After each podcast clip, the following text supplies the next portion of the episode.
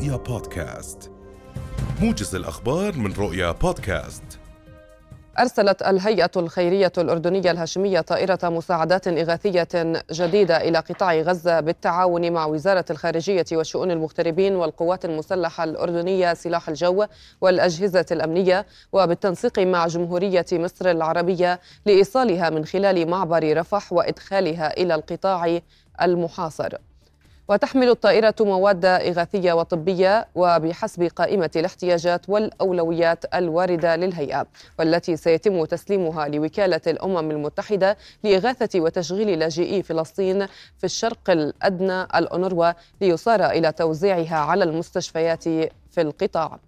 وقال أمين عام الهيئة الخيرية الأردنية الهاشمية حسين الشبلي إن الهيئة حشدت استمرارا لتنفيذ التوجيهات الملكية السامية كافة جهودها وشراكاتها وبالتنسيق مع مختلف الجهات الرسمية الحكومية والدبلوماسية لترسل طائرة جديدة إلى قطاع غزة بالتنسيق مع جمهورية مصر العربية لإدخالها إلى غزة من خلال معبر رفح بالتعاون مع الهلال الأحمر المصري. في اليوم السابع والعشرين من الحرب على قطاع غزة يتواصل قصف الاحتلال الإسرائيلي على أنحاء متفرقة من القطاع. بعد أن ارتكب جيشه مجزرة ثانية في مخيم جباليا ليرتفع عدد الشهداء إلى 8805 شهداء. في المقابل أعلن جيش الاحتلال ارتفاع عدد جنوده القتلى إلى 16 قتيلا في الاشتباكات الدائرة مع المقاومة الفلسطينية منذ الثلاثاء. وأعلنت وزارة الصحة في غزة توقف المواد أو المولد عفوا الرئيسي في المستشفى الأندونيسي مؤكدة أن ذلك سيضع المرضى في خطر محدق. وناشد المتحدث باسم وزارة الصحة بالتدخل الفوري لتزويد مجمع الشفاء والمستشفى الإندونيسي بالوقود. تداولت وسائل إعلام فلسطينية عبر منصات التواصل الاجتماعي فيديو لقصف قوات الاحتلال مدرسة تابعة لوكالة الأونروا تضم آلاف النازحين بمخيم الشاطئ بقنابل الفسفور المحرمة دولياً. وأظهر مقطع فيديو وثقه أحد النازحين لحظة سقوط قنابل الفسفور على إحدى المدارس التي تضم آلاف الفلسطينيين الذين نزحوا جراء العدوان الذي يشنه الاحتلال على قطاع غزة. كما أظهر الفيديو حالة الهلع التي عاشها الفلسطينيون لحظة استهداف المدرسة بقنابل الفسفور وارتدائهم الكمامات. إذا للوقوف على آخر التطورات في قطاع غزة ينضم إلينا من هناك غازي العلول. أهلا بك غازي وأبتدئ قنابل فسفورية على إحدى مدارس الأونروا. ما مدى صحة هذا الفيديو؟ نعم تحية لك إخلاص. بالفعل استهداف المدارس لم يكن وليد هذا اليوم بل كان منذ بداية هذه الحرب استهدفت مدارس عدة وكلها تابعة للأونروا وهذه المدارس المفترض ان تكون محمية بالنظر إلى أنها تعود يعني وخاصة بمنظمة أممية. ويلجا إليها الفلسطينيون لكن على الرغم من ذلك لا زالت الاستهدافات مستمرة بحق هذه المدارس. بالتالي بالفعل ما ورد هو استهداف في قنابل الفسفور في محيط المدرسة في الشاطئ وحاله الهلع التي لاحظ فيها آه، آه، نتيجة خطورة قنابل الفسفور التي ضربت فيها هذه المنطقة. آه، بالنظر إلى ما ما يعني ما تفعله هذه القنابل بالتحديد من حرائق وهناك صعوبة في إطفائها حتى بعد قصف المنطقة التي تستهدف بهذه القنابل تبقى مشتعلة وتحتاج لآلية معينة لإطفائها لا تطفأ بالماء أو حتى بالرمال بل لها طريقة خاصة. والغزيون هنا باتوا يعرفون هذه الطريقة من خلال يعني تجميع بعض الرمال حول المناطق المشتعلة. ومن ثم دفن المناطق المشتعله بأجزاء بسيطة من الرمال ومن ثم كمرها بالرمال المبللة. هذا الإجراء جاء نتيجة خبرة وهذه هذا السلاح لم يستخدم أول مرة في هذه الحرب بل خلال الأيام الماضية كان يستخدم. ولأول مرة كان قد استخدم في حرب 2008 آه، لذلك الاحتلال يرتكب جرائم حرب بمعنى الكلمة بحق المدنيين واستهداف المدارس يدلل على ذلك، أيضا هناك تطور خطير فيما يتعلق بالاستهدافات. هناك عودة وكثافة لاستهداف الأبراج هذه المرة. اليوم أطول أبراج قطاع غزة تعرض للاستهداف بصاروخ استطلاع تمهيدا لقصفه. هذا الخبر قبل دقائق من الآن وهو برج استهدف سقف هذا هذا البرج عفوا آه، وسطحه بصاروخ استطلاع تمهيدا لاستهدافه بشكل آه، مباشر كما آه، جرت العادة بالتالي هذه مجزرة بحق المباني الفلسطينية والتاريخ الفلسطيني وأيضا المدنيين الفلسطينيين. نعم. في كل وسط كل هذا لم تتوقف ابدا الاستهدافات بحق المنازل المدنيين من خلال القصف المدفعي الذي أخذ منحنى آخر من خلال الاستهداف المستمر للمناطق الشرقية لقطاع غزة من الشمال إلى الجنوب بالإضافة إلى استخدام آه، قذائف من الزوارق الحربية و آه، تفجيرها في المناطق الغربية من قطاع غزة نعم ولكن هل ما زال هناك توغل بري من قبل قوات الاحتلال في شمال وشرق مدينة غزة؟ بالفعل ويجري الاشتباك على محاور آه، كنا قد تحدثنا عنها بتوضيح أوسع حول آه، هذه المحاور وأبرز المحاور التي يجري فيها الآن اشتباكات عنيفة هو المحور الشرقي لمدينة غزة بالتحديد حي الزيتون الذي يشهد توغلا مستمرا من قبل الاحتلال الإسرائيلي بالإضافة إلى المحور الشمالي منطقة آه، بيت حنون. هناك أيضا توغل لآليات الاحتلال واستمرار في الاشتباكات ويصف المتحدث باسم الجيش الاحتلال الإسرائيلي بأن جيشه يخوض معارك ضاريه بالنظر إلى قوة واسترسال المقاومون الفلسطينيون الذين نشروا في آه، بالأمس فيديوهات توثق تفجيرهم لدبابات وكذلك تدميرهم لآليات عسكرية وأيضا تفجير عبوات وقذائف من الجو حتى من خلال طائرات مسيرة في مجموعات راجلة ومتقدمة. بالفعل العملية البرية بالنسبة للاحتلال آه، بدأت تظهر على حقيقتها من ناحية الخسائر التي يتكبدها الاحتلال الإسرائيلي. ومن المتوقع أن لا يستمر طويلا في هذه العملية بالنظر إلى أنه مقارنة بما خسره لم يحقق أي شيء آه، على الأرض. وأتحدث هنا عن آه، نيته البارزة في البحث عن الرهائن وإيجاد الرهائن. هو لم يجد حتى هذه اللحظة أي أي أسير أو أي رهينة لدى حماس وبالتالي هو فقط يحاول تدمير البنى التحتية وهذا الأمر آه، استطاع تدميره من خلال الجو وليس على الأرض كما يدعي. بالتالي عمليته البرية فاشلة منذ اللحظة الأولى وتقديراتنا ووفق وفق قراءتنا فإنه لن يستمر طويلا هنا في أرض غزة. نعم نأمل ذلك ولكن غازي آه، وزارة الصحة في قطاع غزة أعلنت عن توقف المولد الرئيسي في المستشفى الأندونيسي، هل هذا يعني بأن آه، المستشفى توقف عن الخدمة الآن ولن يستقبل أي مرضى؟ الآن المستشفى الأندونيسي بعد تحذيرات آه، بالأمس كانت يعني تحذيرات تتمحور حول توقفه عن توقفه عن العمل وأيضا توقف مجمع الشفاء الطبي عن العالم عن العمل عفوا. هذه آه، يعني آه، هذه الإجراءات وتوقف المولدات الكبرى آه، تدفع ب يعني إيقاف بعض الأجزاء الأساسية من مرافق المستشفى ولكن ليس توقفها بشكل كامل باعتقادي بأن غرف العناية المكثفة هي الوحيدة التي آه، طبعا آه، التي ستبقى تعمل على الأقل حتى آه، يعني تنتهي كميات الوقود المتبقية. ولكن التحذيرات بالفعل مستمرة فيما يتعلق بالساعات المقبلة سيما وأن الاحتلال يمنع إدخال الوقود حتى هذه اللحظة بالإضافة إلى أنه من الصعب إيصال أي وقود متوفر في جنوب القطاع إلى شمال القطاع نظرا لأن الاحتلال في توغله البري قطع الطرق الرئيسيه الرابطه ما بين شمال القطاع وجنوب. نعم.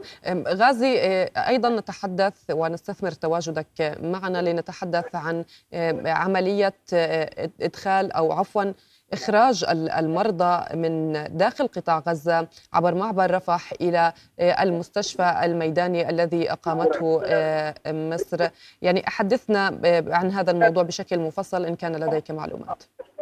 يعني بالفعل اخلاص هذا الاجراء اتخذ بالأمس و بات واقعا من خلال إخراج بعض المصابين. نتحدث عن 80 مصابا خرجوا لتلقي العلاج بالأمس. ولكن حتى هذه اللحظة في هذا اليوم لا يعرف إذا ما كانت ستخرج دفعات جديدة من المصابين. ولكن سيما أنه لا تتوفر أي معلومات و من الجانب وزارة الصحة التي لم تبلغ أيضا بأنها ستخرج بعض المصابين. فقط يقتصر الأمر اليوم وفتح المعبر لاستكمال إخراج حملة الجنسيات الأجنبية والذين آه، لم يستكملوا بالأمس آه، بطبيعة الحال آه، خروجهم من خلال استمرار العمل على إنهاء هذا الملف بعد موافقة مصرية لإخراجهم من خلال معبر رفح البري.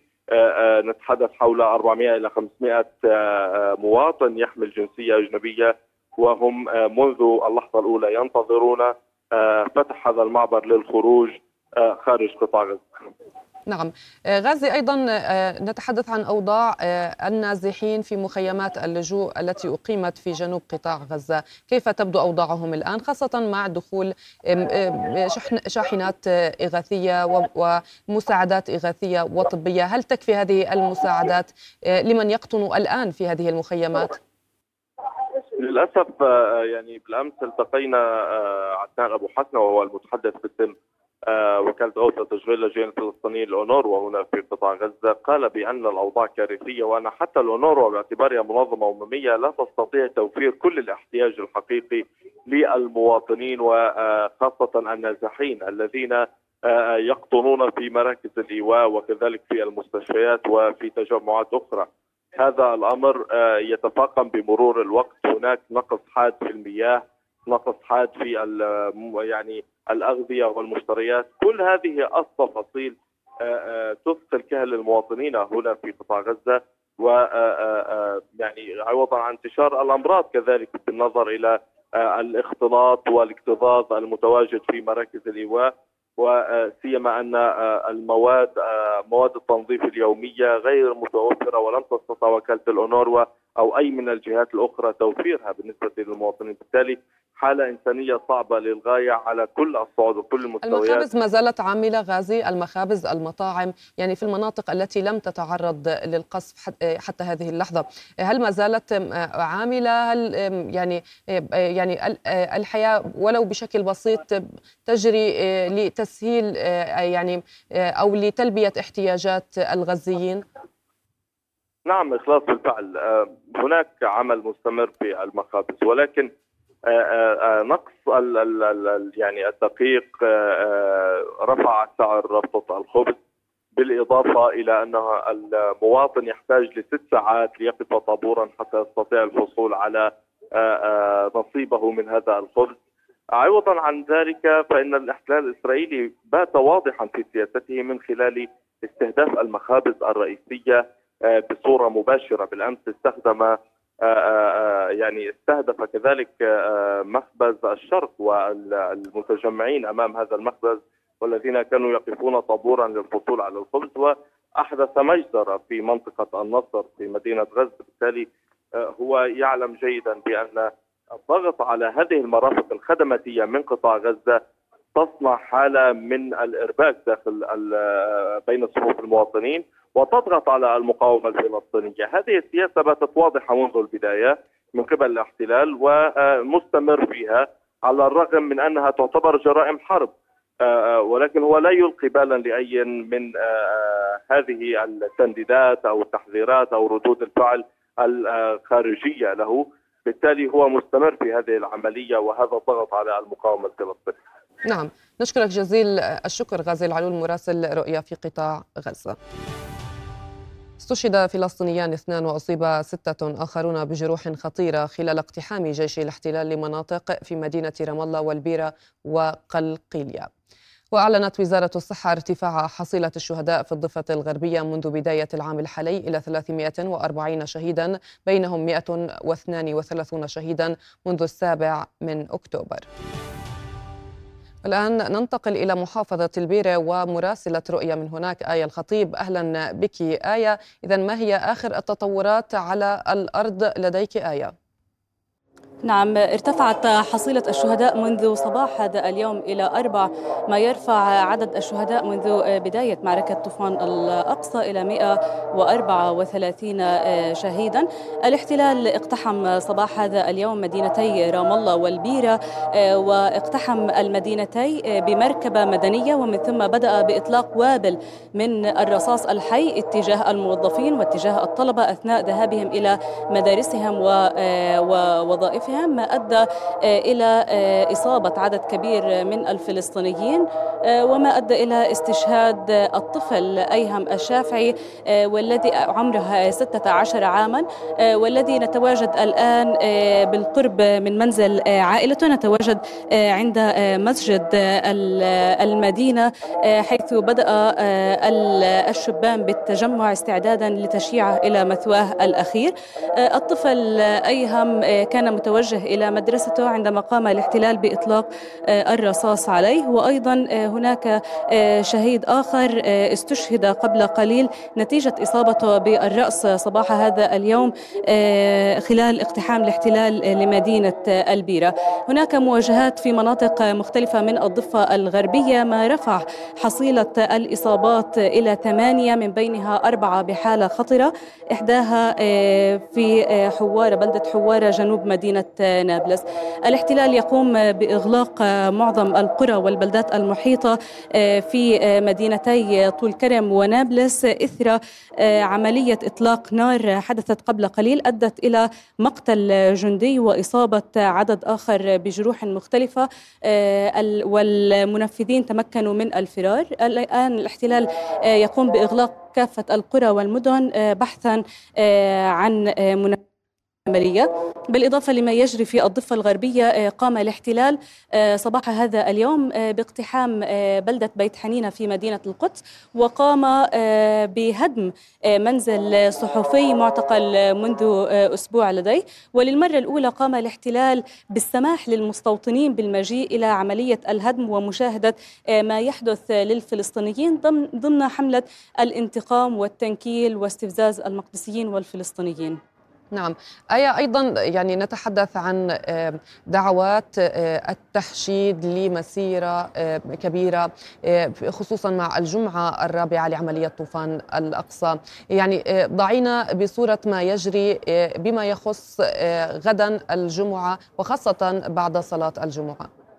نعم آه، كما حدث خلال الأسابيع الثلاثة الماضية الاحتلال منذ هذا الصباح بدأ آه، بإغلاق آه، كافة محاور مدينة القدس لمنع أي فلسطيني من الضفة الغربية من الوصول إلى المدينة وكذلك أعاد الحواجز إلى البلدات المقدسية لتقليل أعداد المقدسيين الذين سيتمكنون إلى البلد مع علما أن الاحتلال آه، سيغلق البلدة القديمة بوجه كل الفلسطينيين ما عدا من يقطن في البلدة القديمة وسيقوم بمنع معظم المقدسيين حتى المسنين من دخول المسجد الأقصى المبارك. آه، اليوم آه، هناك دعوات للانطلاق إلى مدينة رام الله للتظاهر في مدينة رام الله ومن ثم الذهاب إلى مستوطنة بيت إيل حيث حاجز بيت إيل. ولكن من المتوقع الآن وبعد أن ينتهي ينتهي المشيعون من تشييع جثمان الطفل أيهم أن يتوجهوا إلى آه، حاجز بيت إيل المقام على أراضي البيرة وربما ستندلع مواجهات هناك. آه، سيما وأن آه، المواجهات مستمرة في مناطق مختلفة من الضفة الغربية في هذه الأثناء. نعم. شكرا جزيلا مراسلة رؤيا آية الخطيب. كنت معنا من محافظة البيرة. أعلن جيش الاحتلال الإسرائيلي صباح اليوم مقتل جندي إضافي في المعارك الدائرة شمالية قطاع غزة. وقال جيش الاحتلال تحت بند سمح بالنشر إن جنديا من الكتيبة 7007 قتل شمالية قطاع غزة وبذلك يرتفع عدد القتلى من جنود وضباط وضباط الاحتلال إلى 332 قتيلا منذ بداية طوفان الأقصى في السابع من تشرين الأول أكتوبر الماضي. وذكرت كتائب القسام أنها استهدفت جرافة للاحتلال الإسرائيلي في محور شمال غرب غزة بقذيفة الياسين 105 أبلغت الهيئة العامة للمعابر والحدود في قطاع غزة من الجانب المصري أن معبر رفح البري سيعمل اليوم لاستكمال سفر الأشخاص الذين يحملون جوازات سفر أجنبية. وقالت الهيئة إن السفر سيكون فقط لمن لهم أسماء ضمن كشف الأجانب السابق. من جانبه قال الرئيس الأمريكي جو بايدن إن بعض المواطنين الأمريكيين سيغادرون غزة بعد فتح معبر رفح مع جمهورية مصر. هذا وغادر 335 شخصا من حملة جوازات السفر الأجنبية في قطاع غزة عبر معبر رفح يوم أمس. فيما خرج 76 جريحا ومرافقا في سيارات الإسعاف وذلك للعلاج في مصر.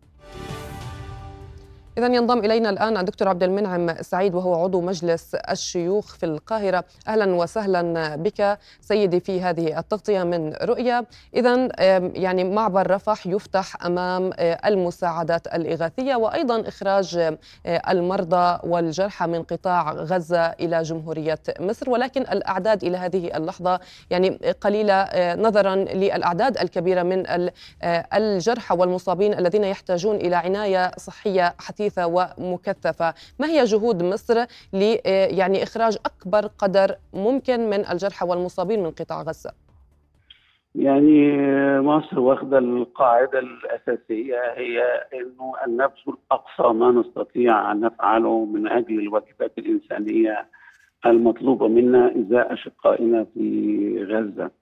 آه العملية أكثر تعقيدا من فقط الروح المصرية هذه لأن هناك أمور كثيرة على الجانب الآخر من المعبر آه، تتداخل فيها إسرائيل وحماس إلى جانب الواقع العملياتي الجاري حاليا في قطاع غزة كله. آه، هناك أيضا إشكالية الاتصالات والمواصلات ما بين المستشفيات ومواقع المصابين والذين لديهم حالات حادة وعملية نقلهم بشكل آمن وصحي إلى المعبر.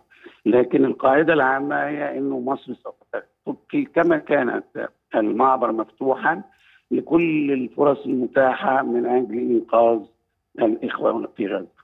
نعم. دكتور عبد المنعم آه، هناك من يخشى بأن يتحول يعني موضوع خروج المرضى والجرحى من قطاع غزة إلى مصر كنوع من أنواع التهجير الذي تسعى إليه إسرائيل. ما موقف مصر إلى هذه اللحظة على الرغم من الضغوط الأوروبية والضغوط الإسرائيلية على مصر بموضوع تهجير آه، النازحين إلى سيناء؟ ما, ما الموقف المصري إلى هذه اللحظة؟ خلال ما يتغير. نحن نرى عملية التهجير ليس فقط أنها تهدد للأمن القومي المصري مباشرة. فرض أمر علينا لم نقم به آه، من أنفسنا. وإنما أيضا لا نريد تصفية للقضية الفلسطينية. وأعتقد أن هناك توائما كاملا بيننا وبين الأردن وبين السلطة الوطنية الفلسطينية أن آه، هذا لا يمكن أن يحدث. لكن أعتقد أن مصر تستطيع أن تميز ما بين الأشخاص الذين لديهم إصابات أو أمراض مزمنة أو غيره من الممكن إنقاذهم داخل المستشفيات المصرية وتنقص عن هذا الواجب. لكن نستطيع أن نميز ما بين من يستخدم هذا كنوع من التغطية لل للجوء أو إنه يستخدمها يعني للخداع أعتقد إنه لدى مصر القدرة للتعامل مع هذه المواقف. نعم. ولكن ما هي الأوراق التي تضغط من خلالها مصر على إسرائيل لعدم تنفيذ مخططها آه، بتهجير آه، الغزيين القسري إلى سيناء؟ نحن نعتقد مصر لا تكف عن تكوين رأي عام دولي تجاه هذه العملية التصويت في الأمم المتحدة الاتصالات المباشرة. آه، أهم ما نقوم به هو انه إننا نحبط هذا الأمر بأننا لن نقبل أي عملية تهجير قسري من غزه. لن يقبل ولن يسمح به بالدخول وسيناء فيها الكثير من القدرات التي تجعل ذلك مستحيلا. فهنا يعني دي ورقة الأساسية وهو إحباط المخطط الإسرائيلي لإحداث نكبه جديدة كما يرى بعض أعضاء مجلس الوزراء الإسرائيلي ممن جاءوا إلى السلطة بسبب تبنيهم لهذا المشروع القبيح الذي ينص على يعني إنزال النكبة بعدد كبير من الفلسطينيين آه، حتى يمكن التغلب على التوازن الجغرافي الديموغرافي الموجود على أرض فلسطين. نعم. دكتور عبد المنعم لربما الأردن ومصر يواجهان ذات المخطط الإسرائيلي والذي يرمي إلى تهجير الفلسطينيين من غزة إلى سيناء ومن الضفة إلى الأردن. هل هناك تعاون ما بين مصر والأردن بهذا الشأن؟ وثيق. تعاون وثيق ولحظي وعلى كافة المستويات الأجهزة المعنية جميعها في حالة تعاون وثيق بين مصر والأردن. وإذا كنت أقول أن هناك يعني علاقة عربية عربية آه، أعتقد أنه أكثرها وثوقا وأكثرها في المقدمة سوف تكون العلاقات المصرية الأردنية. نعم. هناك آه، يعني بعض الأخبار في الصحف الأجنبية ومنهم صحيفة الجارديان وأشارت بأن آه، القاهرة تدرس عرضا لاستضافة نحو 100 ألف فلسطيني من غزة مقابل مساعدات مالية أمريكية ما مدى صحة ذلك؟ غير صحيح على وجه الإطلاق يعني أستطيع أن أؤكد إنه ده غير صحيح على وجه الإطلاق لأنه يتنافى مع كل السياسات والاستراتيجيات المصرية للتعامل مع هذه الأزمة. آه مصر لا تبادل آه يعني مبادئها ولا تبادل يعني القواعد العامة لحماية مصر وحماية الأمن القومي المصري والأمن القومي العربي بأي قدر من الأموال. آه وإذا كنا نريد ذلك كنا فعلناه منذ وقت طويل ولكنه لم يحدث ولن يحدث. نعم. آه، وأيضا نستثمر تواجدك معنا دكتور آه، عبد المنعم. يعني أيضا هناك تساؤلات عن إدارة معبر رفح من الناحية الإدارية من الناحية النظرية من الناحية العملية. لمن تعود؟ هو يعني ال ال ال الإدارة ده بتتم على أعلى مستوى في مصر لأنه بالذات في وقت الأزمة آه لا يسمح هنا اطلاقا بأي قدر من الخطأ.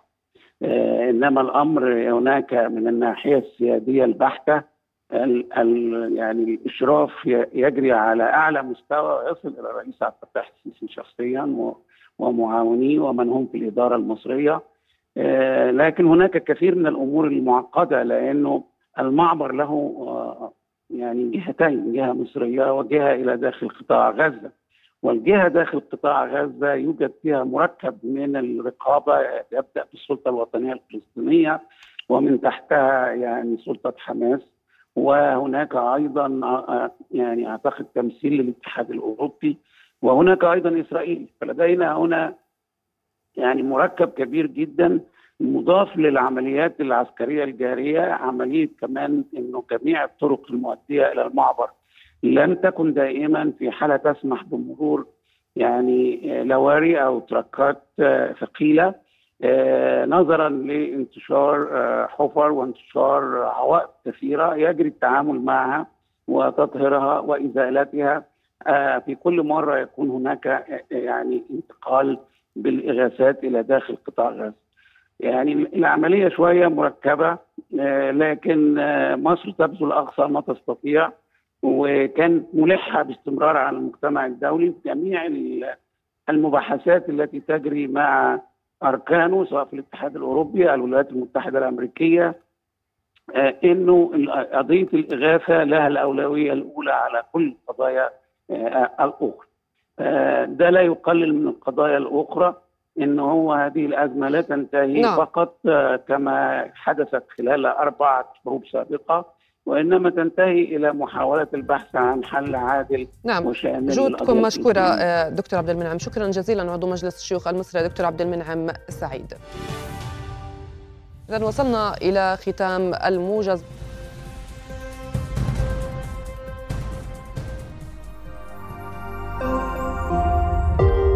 رؤيا بودكاست